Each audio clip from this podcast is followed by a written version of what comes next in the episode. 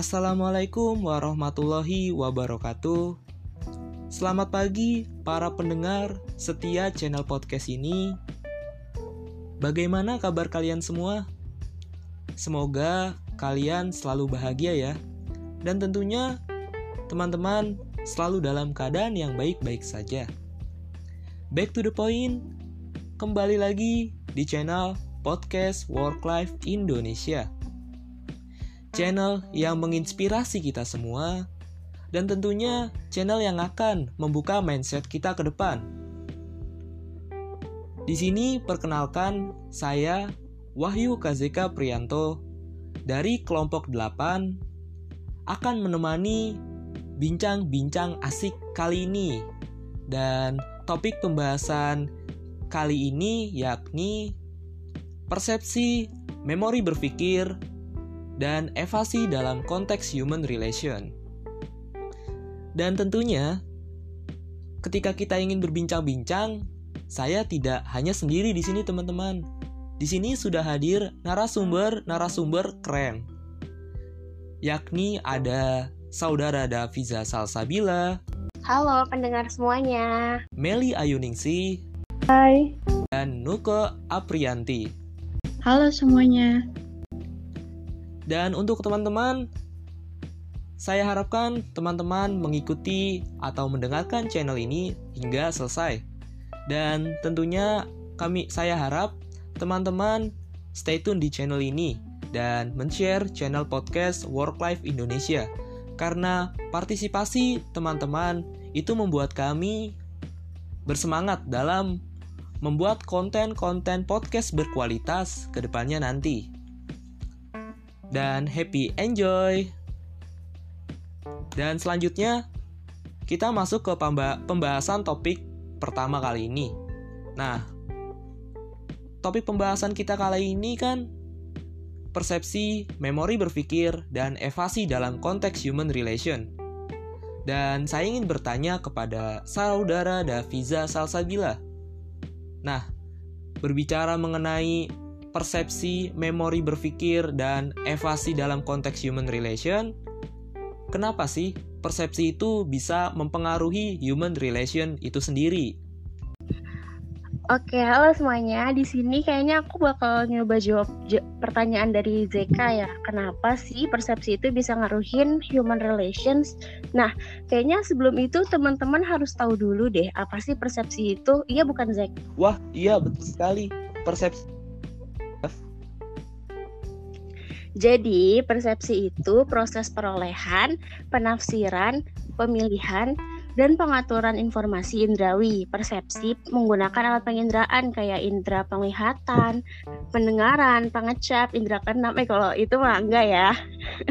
nah, terus persepsi tiap orang juga beda-beda nih, tergantung sama latar belakang budaya, pengalaman, psikologi, dan kondisi faktual yang saat itu ditangkap sama orang itu. Gitu, Zek, persepsi itu. Oh, seperti itu dari pengertian persepsi itu sendiri. Nah, tapi terus kenapa persepsi itu bisa mempengaruhi human relation? Nah, kan persepsi orang tuh beda-beda ya bisa aja persepsi yang buruk ke orang bisa ngaruhin hubungan antara orang itu. Misal, kita baru ketemu sama orang nih, terus kita nggak persepsiin orang itu tuh nggak baik. Akhirnya kita memutuskan buat ngejauh dari sel dan selalu was-was kalau misalkan ada dia gitu. Terus bisa juga nih cara berpikir juga bisa jadi penghambat biar komunikasi jadi efektif. Misal, hal yang harusnya bisa diselesaikan secara baik-baik tapi karena adanya emosi bisa jadi bumerang terus malah bakal memperkuat persepsi orang itu. Begitu. Oh, seperti itu ya, Dav. Tapi saya juga ingin nanya nih, terus bisa tidak ya meningkatkan kemampuan persepsi kita ini? Bisa banget. Ada loh lima caranya. Nah, yang pertama itu kita harus menghargai orang lain. Nah, kita tuh nggak boleh apa-apa langsung ngejudge gitu. Kita harus paham setiap manusia itu pasti berbeda-beda ya kan.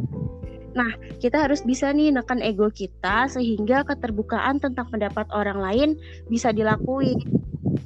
Terus ada yang kedua yaitu uh, melihat dari banyak sisi. Dengan melihat dari banyak sisi, persepsi jadi lebih luas dan nggak sempit lagi Soalnya kalau persepsi kita sempit, segala macam bentuk informasi orang lain pasti nggak pernah bisa diterima dengan baik sama diri kita. Terus yang ketiga, kita itu harus menyamakan persepsi tanpa saling bertentangan. Ingat ya, tanpa saling bertentangan. Jadi kalau misalkan kita lagi argumen nih, terus kita harus cari jalan tengahnya buat nyamain persepsi kita ini biar dapat pemahaman yang sama.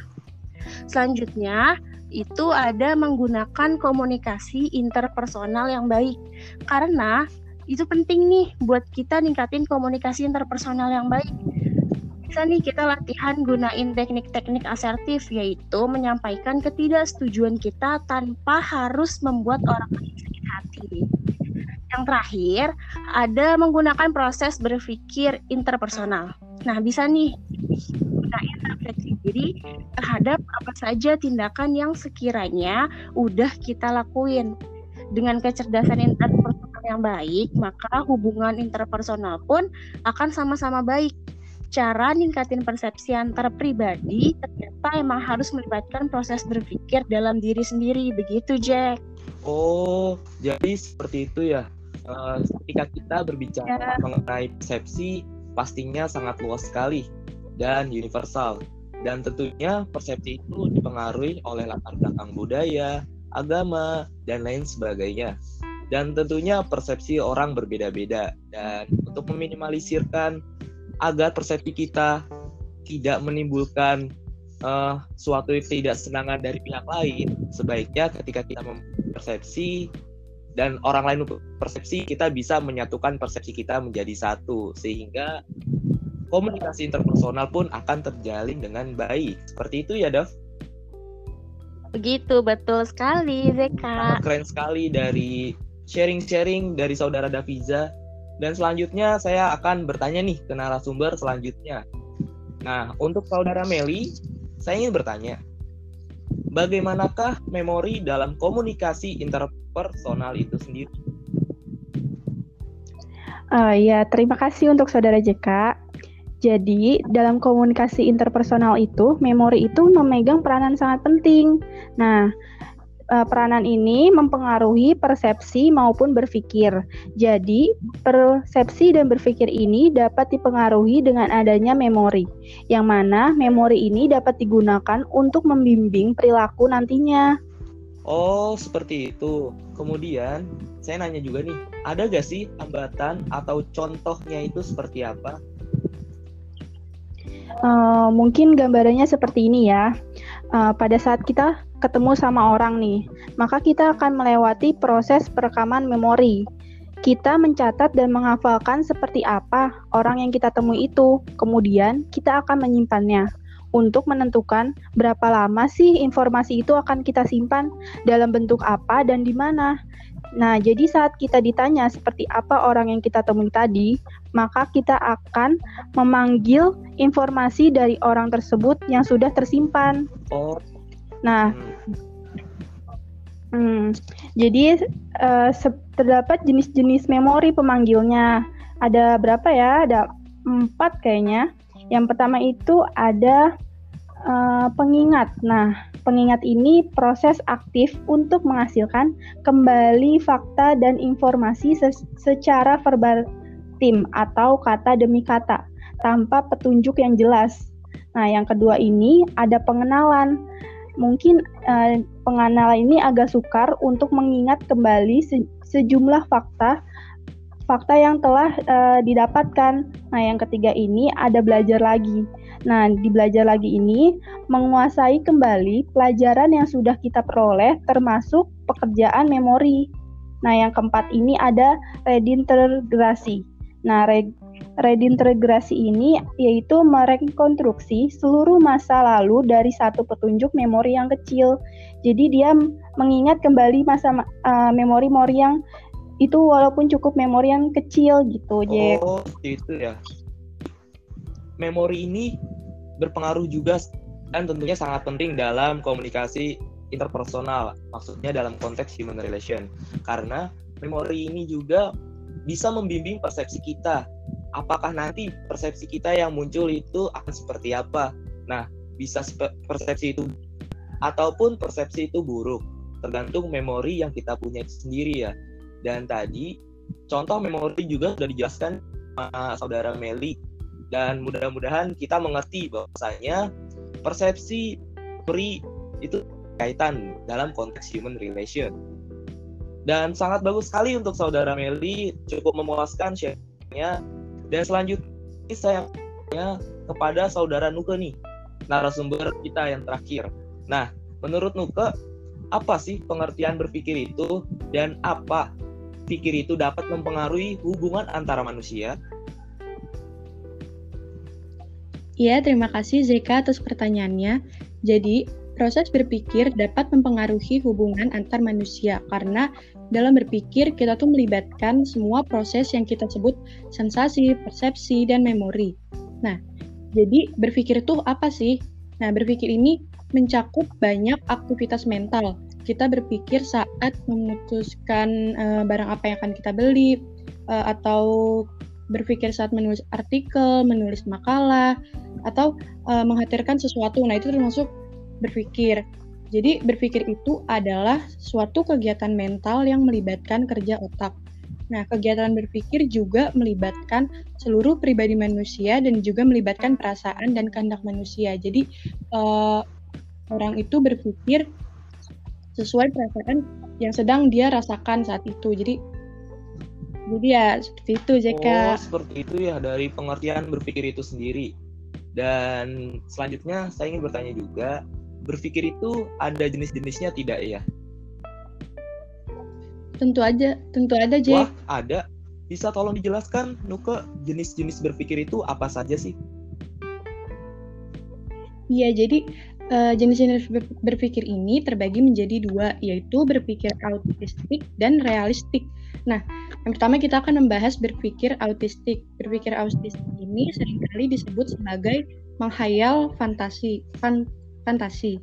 Jadi uh, berpikirnya tuh jauh, bahkan bisa jadi belum tentu terjadi. Nah, berpikir autistik ini seseorang melarikan diri dari kenyataan dan melihat hidup sebagai gambar-gambar hayal ketika kita menjadi seorang presiden atau menjadi seorang astronot menjadi seperti itu. Terus kalau berpikir realistik itu disebut juga nalar. Ialah berpikir dalam rangka menyesuaikan diri dengan dunia yang nyata.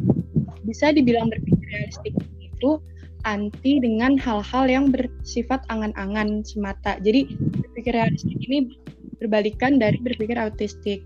Nah, jadi mereka yang berpikir realistis itu mudah dianggap pesimis oleh orang-orang di sekitar mereka karena ketika mereka uh, berpikir secara realistik uh, sedang menjalani suatu usaha, sekiranya mereka mendapat firasat buruk di tengah hal yang sedang mereka jalani, mereka bisa saja langkah mereka dan berbalik arah untuk meninggalkan sesuatu yang belum terlihat jelas hasil itu. Dan mereka uh, merutuki mereka sendiri yang sudah berani berhayal padahal semua firasat buruk itu dan keraguan-raguan datangnya itu dari pikiran negatif yang ditemukan oleh diri sendiri. Hal ini seakan menunjukkan bahwa orang yang berpikir realistis sepertinya tidak dari kata paranoid. Bukan berarti berpikir realistis itu tidak baik. Berpikir realistis itu sangat baik dan akan lebih baik jika dibarengi dengan keteguhan hati atau berserah diri kepada uh, Tuhan dan jika tidak dibarengi hal tersebut, diri pribadi akan mudah mengalami stres. Jadi seperti itu. Oh, seperti itu ya dari penjelasan mengenai jenis-jenis berpikir itu sendiri. Dan jadi proses berpikir yang saya tangkap ini adalah melibatkan semua persepsi, sensasi, dan memori. Berpikir digunakan akan iya. kan ketika menanggapi keputusan yang kita buat. Nah, kembali lagi dalam persepsi. Nah, dalam persepsi itu ketika kita akan mempersepsikan orang itu seperti apa, baik atau buruknya persepsi, pasti kita tentunya akan berpikir kan. Nah, mungkin dari berpikir, terus memori, dan persepsi itu sangat berkaitan. Dan tentunya tidak bisa dibedakan tapi lepaskan dalam human relation. Dan terima kasih untuk saudara men-sharing terkait uh, pengertian dan jenis berpikir. Dan di sini mengenai mana evasi dan hambatan yang dapat mempengaruhi hubungan manusia. Hambatan tentunya di sini terdapat dua sifat hambatan, yakni hambatan objektif dan hambatan yang bersifat subjektif. Hambatan objektif itu apa sih? Nah, di sini hambatan objektif itu adalah hambatan yang disebabkan oleh yang tidak menggunakan. Nah, seperti apa? Seperti gangguan cuaca. Nah, sementara gangguan subjektif itu apa sih? Nah, gangguan subjektif itu mempunyai pengertian bahwa gangguan yang oleh yang mana karena adanya faktor kepentingan dan prasangka. Nah, dalam dua sifat hambatan itu menimbulkan reaksi atau yang dinamakan evasi. Evasi nama lainnya itu adalah respon negatif terhadap komunikator yang berupa penantangan, acuh tak acuh, mencem bahkan menjelekkan si komunikator. Nah, seperti saat sedang diskusi, teman-teman, saat orang mengungkapkan pendapat, bisa saja kita tidak setuju karena apa yang diungkap bisa tidak sesuai dengan apa yang kita inginkan. Nah, itu dinamakan hambatan subjektif. Atau saat kita sedang bertelepon dengan seseorang, bisa saja karena hujan, mengakibatkan telepon tersebut terputus jaringan. Sehingga komunikator gagal menyampaikan pesan kepada komunikan, sehingga komunikan dapat mengalami miskomunikasi. Nah, Contohnya itu dinamakan hambatan objektif. Gitu teman-teman. Nah, selanjutnya untuk kesimpulannya dari nah teman-teman asum di sini ada yang bisa tidak yang menyimpulkan pembahasan kita kali ini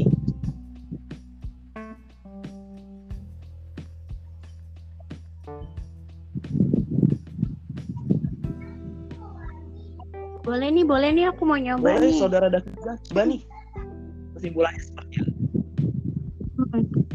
Iya, jadi kayaknya aku mau nyimpulin sedikit aja kali ya. Eh, persepsi setiap manusia itu pastinya berbeda-beda, terus dipengaruhi sama latar belakang, budaya, pengalaman, psikologi, dan kondisi faktual yang ada.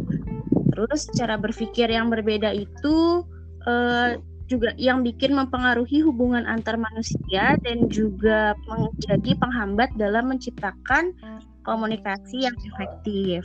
Kira-kira kalau dari teman-teman yang lain gimana ya? Bisa teman-teman yang menanggapi Oh, jadi boleh saudara Meli aku mau nyoba. Nah, jadi mungkin dari dari hal tersebut, setiap individu wajib untuk meningkatkan kemampuan memiliki persepsi yang baik terhadap orang lain dengan cara menghargai pendapat orang lain, melihat hal dari banyak sisi, dan menyamakan persepsi. Nah, dalam komunikasi interpersonal, memori memegang peranan penting kan yang tadi seperti yang Betul sudah sekali. dijelaskan. Nah, itu mempenga- mempengaruhi eh, banget sama persepsi maupun berpikir ini. oh Kayak seperti gitu itu. sih. selanjutnya saudara ingin menambahkan atau tidak Hmm, mau nambahin sedikit sih. Jadi eh, seperti yang tadi sudah Meli jelaskan, jadi proses berpikir ini dapat mempengaruhi hubungan antar manusia karena dalam berpikir kita melibatkan semua proses yang kita sebut sensasi, persepsi, dan memori. Dua sifat hambatan itu dapat menyebabkan evasi, yaitu respon negatif terhadap komunikator. sudah dari teman-teman Sudah, Zeka. Bukan.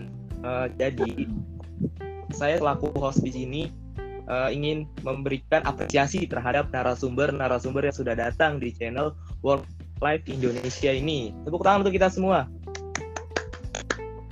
Yeay. Sekali ya. Eh, tentunya eh, semoga dari talk show kali ini kita bisa ilmu harga dari para narasumber narasumber kece yang sudah datang ke channel ini dan tentunya diharapkan bisa presentasikan hal apa saja nih yang tadi kita diskusikan. Nah, contohnya ketika kita persepsi itu kita harus tentunya mempunyai daya yang kuat dan kita ingin menentukan sekiranya ketika kita ingin membuat persepsi atau buruknya berpikir seperti yang harus kita gunakan Dan tentunya ketika kita sudah mengeluarkan persepsi atau membuat persepsi, tentunya kita harus bisa minimalisirkan ada. Nah, dari itu persepsi, memori berpikir, empati dalam konteks human relation seperti itu. Dan sekian cukup dari saya. Kasih untuk para narasumber, khususnya kelompok 8 yang sudah datang di channel Work Life Indonesia ini. Jadi, terima kasih. Lebihnya, maaf. Wabillahi taufiq walhidayah. Wassalamualaikum warahmatullahi wabarakatuh. Waalaikumsalam warahmatullahi wabarakatuh. Warahmatullahi wabarakatuh. tuh.